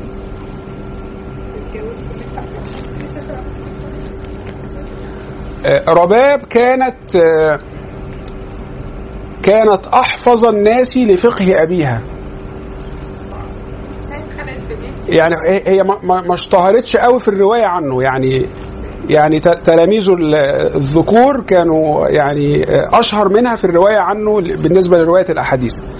ولكن هي بالنسبة بقى للفقه ال- الفتاوى بتاعت سعيد بن المسيب كان أحفظ الناس لفتاوى سعيد هي هي الرباب بنت سعيد بن المسيب. إزاي آه.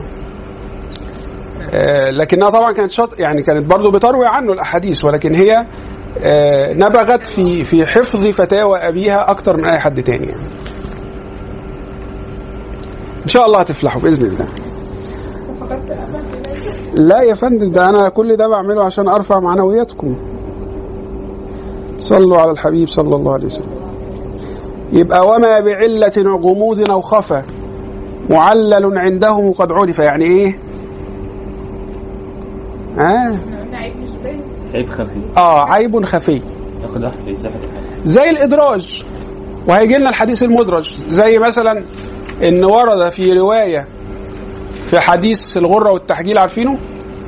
إن أمتي يبعثون يوم القيامة غرا محجلين من آثار الوضوء. يعني يبقى في نور في في الجبين ونور في الإيه؟ في اليدين والرجلين. فالغرة اللي هو النور اللي هي- هيظهر على جبين المؤمن يوم القيامة. من آثار الوضوء عشان من كتر غسيله لوشه في الوضوء. محجلين اللي هو النور اللي في الإيدين والرجلين. من كتر ما بيغسل وشه آه وشه من كتر ما بيغسل ده انقلاب ده. من كتر ما بيغسل إيديه ورجليه. ماشي؟ انقلاب آه انقلاب في المتن يعني.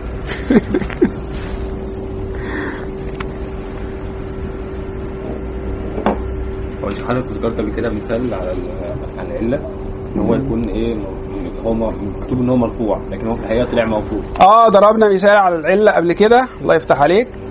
آه، قلنا الرفع في الحديث الموقوف. إن يبقى الحديث مروي على إنه من كلام النبي بس لما فتشنا لقيناه أصلا من كلام الصحابي صح من كلام الصحابي. وقلنا مثال ما رواه المسلمون حسنا فهو عند الله حسن. هو روي مرفوعا لكنه لم يصح مرفوعا. وإنما صح موقوفا آه، من كلام سيدنا عبد الله بن عباس من كلام سيدنا عبد الله بن مسعود رضي الله عنه. فأدي مثال للعلة أو الحديث المعلل. يبقى هنا الحديث المعلل هنا في المثال ده إيه؟ قال رسول الله صلى الله عليه وسلم ما رآه المسلمون حسنا فهو عند الله حسن. ده كده معلل. إيه علته؟ إن هو مرفوع على إنه من كلام النبي؟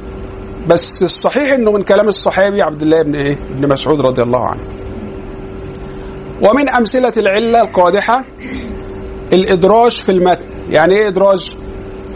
يبقى ال- المتن المتن من كلام النبي بس دخلنا حد كده بطريق الخطأ دخل فيه جملة على سبيل الشرح. فواحد من الرواه افتكرها هي كمان من كلام الحديث فرواها على إنها من كلام الحديث. زي حديث السيدة عائشة رضي الله عنها اللي هو في في كتاب بدء الوحي اللي هو تاني حديث في صحيح البخاري. أول حديث هتلاقوه في صحيح البخاري إنما الأعمال بالنيات. تاني حديث في صحيح البخاري بتاع الستنا عائشة لما بت- بتروي آه، كيف كان بدء الوحي إلى النبي صلى الله عليه وسلم. ف... فقالت إيه؟ أول ما بدأ به رسول الله صلى الله عليه وسلم من الوحي الرؤيا الإيه؟ الصادقة. فكان لا يرى رؤيا إلا جاءت مثل فلق الصبح. ثم حبب إليه الخلاء يخلو بنفسه في غار حراء. فكان يتحنث في غار حراء. جاء في إحدى الروايات فكان يتحنث في غار حراء وهو التعبد الليالي ذوات العدد. الكلمة دي قالها الزهري لأن الزهري روى الحديث عن عائشة. بس الزهري حب يشرح في وسط الحديث. حب يشرح يعني إيه التحنث؟ لأن ستنا عائشة قالت آه آه ثم حبب اليه الخلاء فكان يتحنث في غار حراء. فجه الزهري حب يشرح يعني إيه وكان يتحنث. فقال لنا إيه؟ فقال لنا وهو أي التحنث التعبد الليالي يعني كان يتحنث يعني كان يتعبد لله الليالي المعدودة. فجه واحد من الرواة افتكر إن كلمة أو جملة آه، وهو أي التعبد الليالي ذوات العدد افتكرها من كلام الحديث اللي بترويه ستنا عائشة. فراح مدخلها حاشرها في النص على إنها من كلام الحديث. لكن الواقع أنها ك- كلمة قالها الزهري ليشرح بها معنى التحنث. فده بيسموه إدراج في المتن. والحديث اللي فيه إدراج بيسموه الحديث المدرج وهيجي لنا في البيت اللي بعد اللي بعد ده. اللي هو والمدرجات في الحديث ما أتت يعتبر علة. دي آه الإدراج علة آه. طب شايف إن إيه في عدد الليالي مثلا يعني كان يروح يقعد في غار حراء ليالي معدودة يعني ما كانش بيطول. آه. عشان ما يغيبش على أهله لأن ليه- إن لزوجك عليك حقا يعني? ما هو تكملة الحديث ثم يعود إلى أهله أو ثم ينقلب إلى أهله فيتزود لمثلها. يعني ياخد أكل يكفيه. هو مثلا كان عامل كده ترتيب إن هو مثلا إيه يقسم الأسبوع مثلا إيه نصين. فيروح يقعد مثلا ثلاث أيام في غار حراء وبعدين يرجع يقعد أربع أيام عند أهله ثم يتزود لثلاث أيام وهكذا يعني. فده أيضا مثال للعلة. وفي بقى عل العلل ده ده أدق أدق مبحث في الحديث هو مبحث العلل. وأدق مبحث في علم أصول الفقه هو العلة الأصولية. وأدق مبحث في علم الكلام أو العقيدة هو مبحث تعليل أفعال هل أفعال الله معللة ولا لا. فهي العلة دي في كل علم بنلاقيها أصعب حاجة وأدق حاجة في كل علم كده. تمام؟ حتى علم الطب مبني على العلة. العلة بمعنى المرض يعني. صليتم على الحمد. يعني غير ظاهر في بالظبط بدليل إن إيه؟ إن واحد من الرواة اللي هم تلاميذ الزهري افتكر الشرح اللي عمله كلمة من الحديث فراح مدخلها في الحديث بطريق الخطأ اه- اه- اغتر بالأمر فمعنى كده إن هو مش مش حاجة ظاهرة لكن العلة الظاهرة بقى زي إيه؟ إن الحديث فيه واحد كذاب. فدي علة ظاهرة لأن أي واحد من بتوع علم الرجال بيبقى عارف إن الراجل ده كذاب. فدي مش هتخفى على العلماء. هتتلمح على طول من أولها. لكن الإدراج ده ما اتلمحش إلا بعد مقارنة الروايات ببعضها. جمعنا كل طرق الحديث عن الزهري. فلقينا الطرق ال- التانية إن هو مبين فيها إن ده هو بيشرح الحديث. فعرفناها من إيه؟ من مقارنة الطرق ببعضها. على الوالد إلا ال- الطريق اللي, اللي ما ما كانش باين فيه إن ده إدراج يعني. تمام؟ لكن الإدراج ده لا يضاعف الحديث. الإدراج لا يضاعف الحديث. بس هو عله بمعنى ان إن الجزئية دي بالذات ليست من كلام النبي صلى الله عليه وسلم.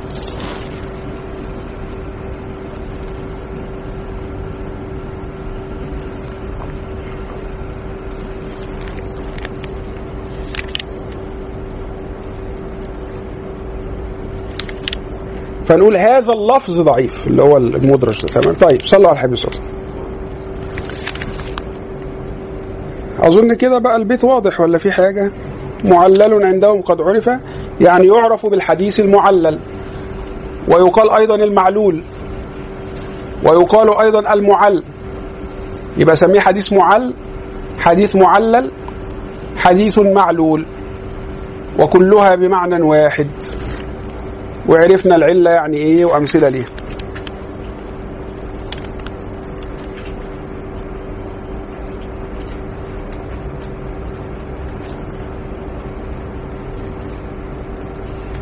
وقلنا في علة في الإسناد وفي علة في المتن. علة في الإسناد وعلة في المتن ماشي؟ فعلة في الإسناد زي بتاع ابن مسعود آه، رفع في الحديث الموقوف. فدي علة في الإسناد.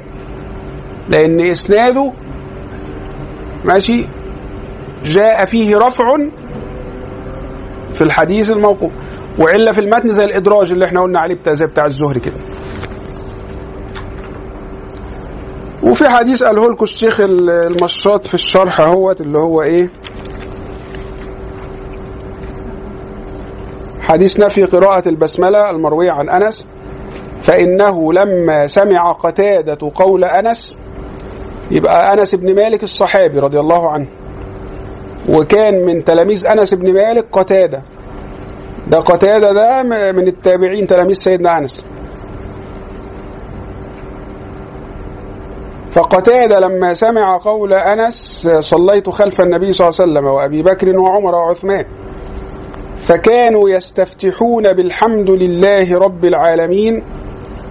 ظن نفي البسملة بذلك الحديث. يعني إيه؟ يعني افتكر إن النبي ما كانش بيقول البسملة أصلا لا سرا ولا جهرا. آه لا اتفضل. هاي. لكن لقينا روايات تانية إن النبي صلى الله عليه وسلم كان يقول البسملة ولكنه إيه؟ يسر بها. آه فهذه العلة بقى. العلة إن الراوي افتكر إن النبي ما كانش بيقولها أصلا. فروالنا على إن النبي ما كانش بيقولها أصلا. لكن ال- العلة اللي هنا إيه؟ إن لقينا روايات تانية أنه كان يسر ببسم الله الرحمن الرحيم. يبقى كان بيقولها بس بيقولها في السر. الراوي بقى لما لقى سيدنا أنس بيقول فكانوا يستفتحون بالحمد لله رب العالمين افتكر إن هو ما كانش بيقول البسملة خالص. بس هو يعني شرح الحديث على هذا فكانوا يستفتحون بالحمد لله رب العالمين. يعني كانوا يستفتحون سر. ب- ب- بسورة الايه الفاتحة يعني. معلش هو في يعني هناك عله آه، في الاسناد تبقى إيه؟ وفي المتن مثل الإدراك. يعني في المتن مثل الإدراك. في الإسناد قلنا زي الرفع في الحديث الموقوف. زي ما رآه المسلمون حسنا فهو عند الله حسن. فهو روي عن على أنه من كلام النبي صلى الله عليه وسلم أدي الرفع اهو لكنه موقوف بمعنى إن الكلمة دي من كلام سيدنا ابن مسعود. فرفعها إلى النبي صلى الله عليه وسلم آه، التبس على بعض الرواة فظنوه من كلام النبي صلى الله عليه وسلم. والصحيح أنه من كلام ابن مسعود. لذيذ علم مصطلح الحديث. يعني يكفي لأن أنا برضو ساعات يعني أقرأ على على تعبيرات وجوهكم آه، أن آه، يعني كأنكم تتساءلون ما هي الفائدة من هذا العلم إيه اللي هنستفيده في حياتنا يعني من هذا العلم ال- الرياضي الدقيق يعني. فيعني اولا يكفي إن إحنا طول ما إحنا بنشرح بنذكر اسم سيدنا النبي وبنصلي على سيدنا النبي صلى الله عليه وسلم. وبنعرف بعض الأحاديث الجميلة اللي ما كناش عارفينها قبل كده. لا وبعدين إحنا قبل كده يعني على سيد المثل الحديث هو الصحيح بس اللي بناخد بيه أي اسم حديث حاجة تانية؟ لكن ما نعرفش هو إيه. ده معناه إن هو ما نقولش يتاخد بيه. ده؟ مش صحيح خلاص يبقى ما يتاخدش بيه أصلا. لا ما هو الحسن زي الصحيح. والضعيف مش كل ضعيف بنرميه في الزبالة. إحنا قلنا أصلا الحديث الضعيف أصلا في احتمال يكون النبي قاله. بس ما عنديش البيانات الداتا اللي تخليني أقول إن ده ثبت عن النبي. كده. فأتوقع يعني خلوا بالكم كلمة الحديث الضعيف لا ت... لا تلغي إمكانية إمكانية إن النبي يكون قاله. بس ال... ال... البيانات اللي عندي بتخليني أتوقف. أتوقف يعني إيه؟ يبقى كلمة حديث ضعيف معناها أنا مش عارف. يعني ما تفسروش ضعيف بأنه ليس من كلام النبي. لا. ليس من كلام النبي ما أقدرش أقولها إلا على الموضوع. ده اللي بقول عليه ليس من كلام النبي. لكن الحديث الضعيف ما أعرفش أقول عليه ليس من كلام النبي. الاحتمال أن يكون النبي قد قاله. ولهذا قال العلماء يعمل بالضعيف بإيه؟ بشروط معينة. على احتمال أن يكون النبي صلى الله عليه وسلم قد قاله. بس عشان ما اضيفش للشريعة حاجة بحديث ضعيف فبقول إيه يعمل به في فضائل الأعمال. عشان ما ابنيش عليه حكم. وإن كان بعض الفقهاء قلنا حد زي الإمام أحمد كان وأبو حنيفة على فكرة.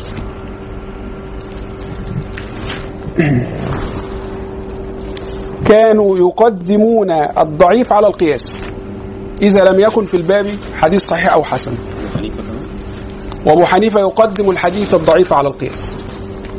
وهذا يرد به على من يزعم أن الحنفية ما عندهمش أحاديث ومش عارف كلام أهبل كده بيتقال. لا. ولذلك الإمام التهانوي الحنفي من أئمة الحنفية في الهند عشان يرد على هؤلاء ألف كتابا من أعظم كتب الإسلام. اسمه إعلاء السنن. إعلاء السنن يعني عايز يقول لهم ده ده ما فيش حد ما فيش مذهب عنده أحاديث أكتر من المذهب الحنفي. يعني هو ده اللي حاول يقوله من خلال كتاب إعلاء السنن للإمام التهانوي بصوا فيه كتاب جميل. وهتلاقوه في المكتبة الشامله في برنامج المكتبة الشامله يا ريت كل واحد يثبته عنده على الجهاز. آه، آه، في حوالي 10000 ح- كتاب وخدمة البحث فيه بسهولة وفي تخريج الأحاديث. كل واحد يثبت ال ال ال ال البرنامج ده على الجهاز بتاعه إن شاء الله. مكتبه الشامله وفي موقع مشهور على النت. والموقع اسمه- لازم عليه كتب بس ما أعرفش اسمه التطبيق المكتبه وانتوا ممكن تخشوا على الموقع نفسه تعملوا بحث على الموقع وتحملوا الكتب وكل حاجة. هو انت ممكن تحمل البرنامج مفرغ بيبقى حوالي 17 ميجا. وبعدين تنزل بقى الكتب على البرنامج زي ما انت عايز. لو انت مش عايز ال 10000 كتاب أو ما عندكش مساحة على الجهاز لأن هو عشان تحمل آه بيحتاج تقريبا 14 جيجا. فلو ما عندكش مساحة ممكن تحمل البرنامج نفسه آه هيبقى حوالي 17 ميجا بايت. وحمل بقى كتب زي ما انت. ممكن مثلا واحد يبقى عايز كتب الحديث بس فيحمل كتب الحديث من على الموقع. ففي مرونة برضو كبيرة يعني. فده مفيد جدا لطالب العلم. والبرنامج ده تقريبا ضرب كل البرامج اللي اللي كانت نازلة قبل منه يعني. زي جامع الفقه وغيره. بقاش في حد بيعتمد تقريبا على جامع الفقه أو البرامج ديت يعني. لأن هو غطى عليها كلها يعني.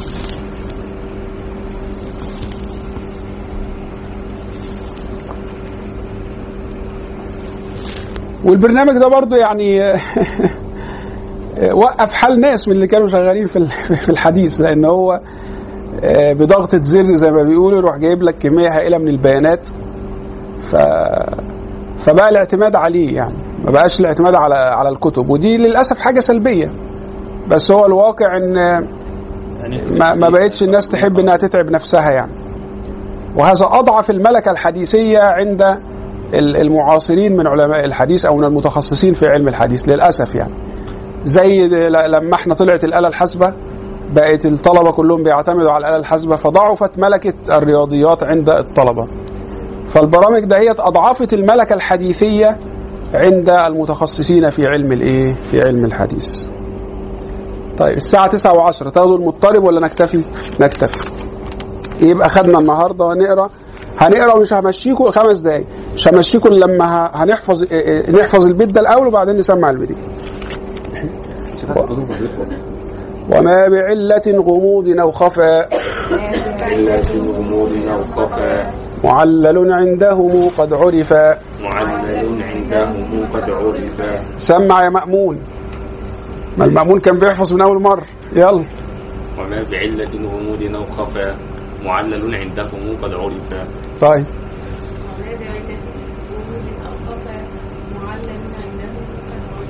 طيب يلا. هذه علة غموض أو خفا معلل عندهم قد عرف. طيب. يعني مش مش هطول عليكم عشان في ناس سمعت بس كده هناخد البيتين مع بعض. والفرد ما قيدته بثقتي. والفرد ما قيدته بثقة أو جمع أو قصر على رواية أو جمع أو قصر على رواية وما بعلة غموض أو خفا وما بعلة غموض أو خفا معلل عندهم قد عرف. معلل عندهم قد عرف. سمع البتين يا مأمون. صعب. مأمون. إيه ده يا مأمون؟ والفرد ما قيدته بثقة. قيدته. والفرد ما قيدته بثقة. أو أو جمع جمع أو قصر على رواية وعلة. وما بعلة. وما بعلة. غموض أو خفا وما بعلة غموض أو خفا معلل عندهم قد عرف. الثاني. طب أنت سمعه مرة تانية. يلا. آه، والفرد ما قيدته بثقة. أو جمع أو قص على رواية وما بعلة غموض أو خفا معلل قد عندهم قد عرف الثاني. أو جمع نو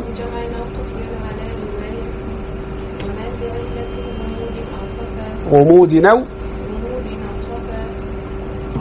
معلل. الثالث. أرجو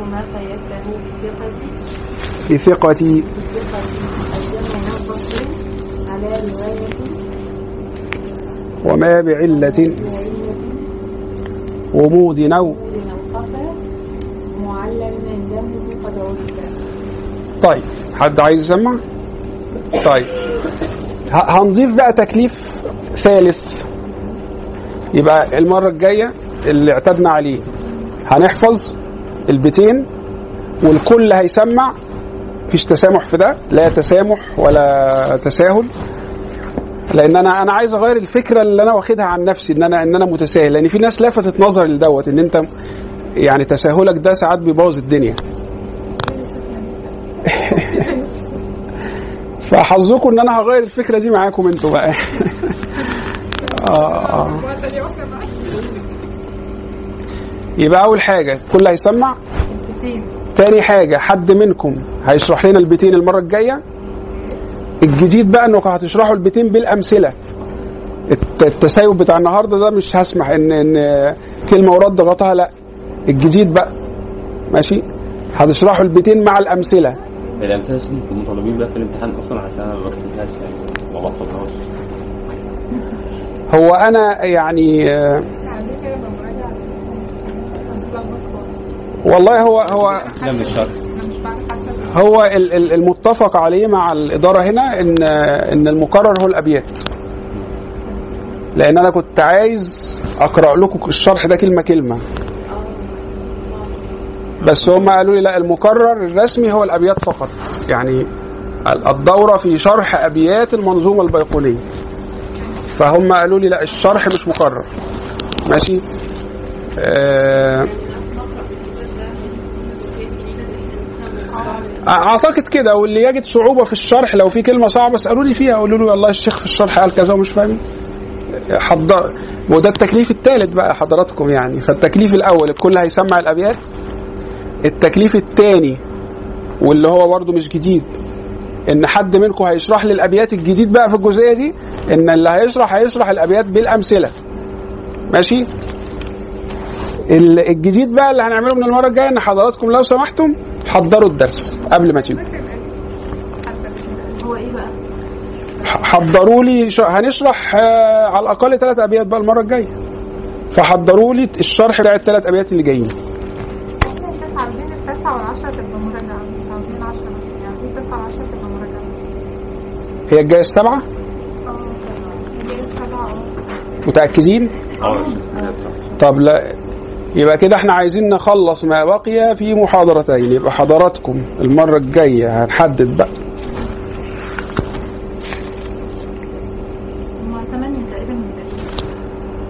هو بصي آخر بيتين آه، خاتمة. وقد أتت كالجوهر المكنون سميتها منظومة البيقون. هي دي خاتمة فوق الثلاثين بأرباع أتت يعني 34 بيت. أبياتها ثم ثم بخير ختمت. ماشي. أو تم دي تم والله أعتقد كده. طب استنى.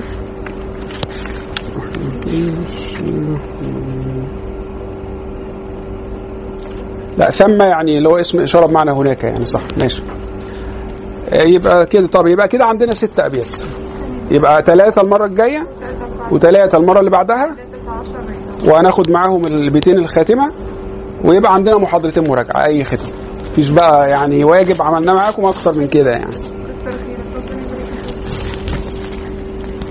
طيب أنا كنت جايب مكافآت للناس اللي, اللي, اللي هتحفظ ما حدش حفظ إلا محمود اتفضل. وأختنا الأستاذة شيماء عشان خاطر هي اللي شرحت لنا فتاخد بقى إيه. أنا كنت بشتري كتب من مكتبة السنة فلقيت آه، عندهم آه، ال- ال- المنظومة اللي حضرتك أنا أنا برضو اديتها لك لغرض تاني إن حضرتك اللي سألتيني عنها المرة اللي فاتت بتاعه الإمام الإلبيري هي موجودة هنا. بتاعه الإمام الإلبيري اللي تفت فؤادك اللي هي موجودة هنا. بس الميزة في الكتاب ده إن هي يعني ال- الأبيات آه، بيان لمعاني الكلمات الغامضة يعني. أنا خلصت منها بتاع 10 أبيات أول وإن شاء الله أنا. يعني لما أروح الأزهر هن... هن... هنجيب لبقية الناس برضه نسخ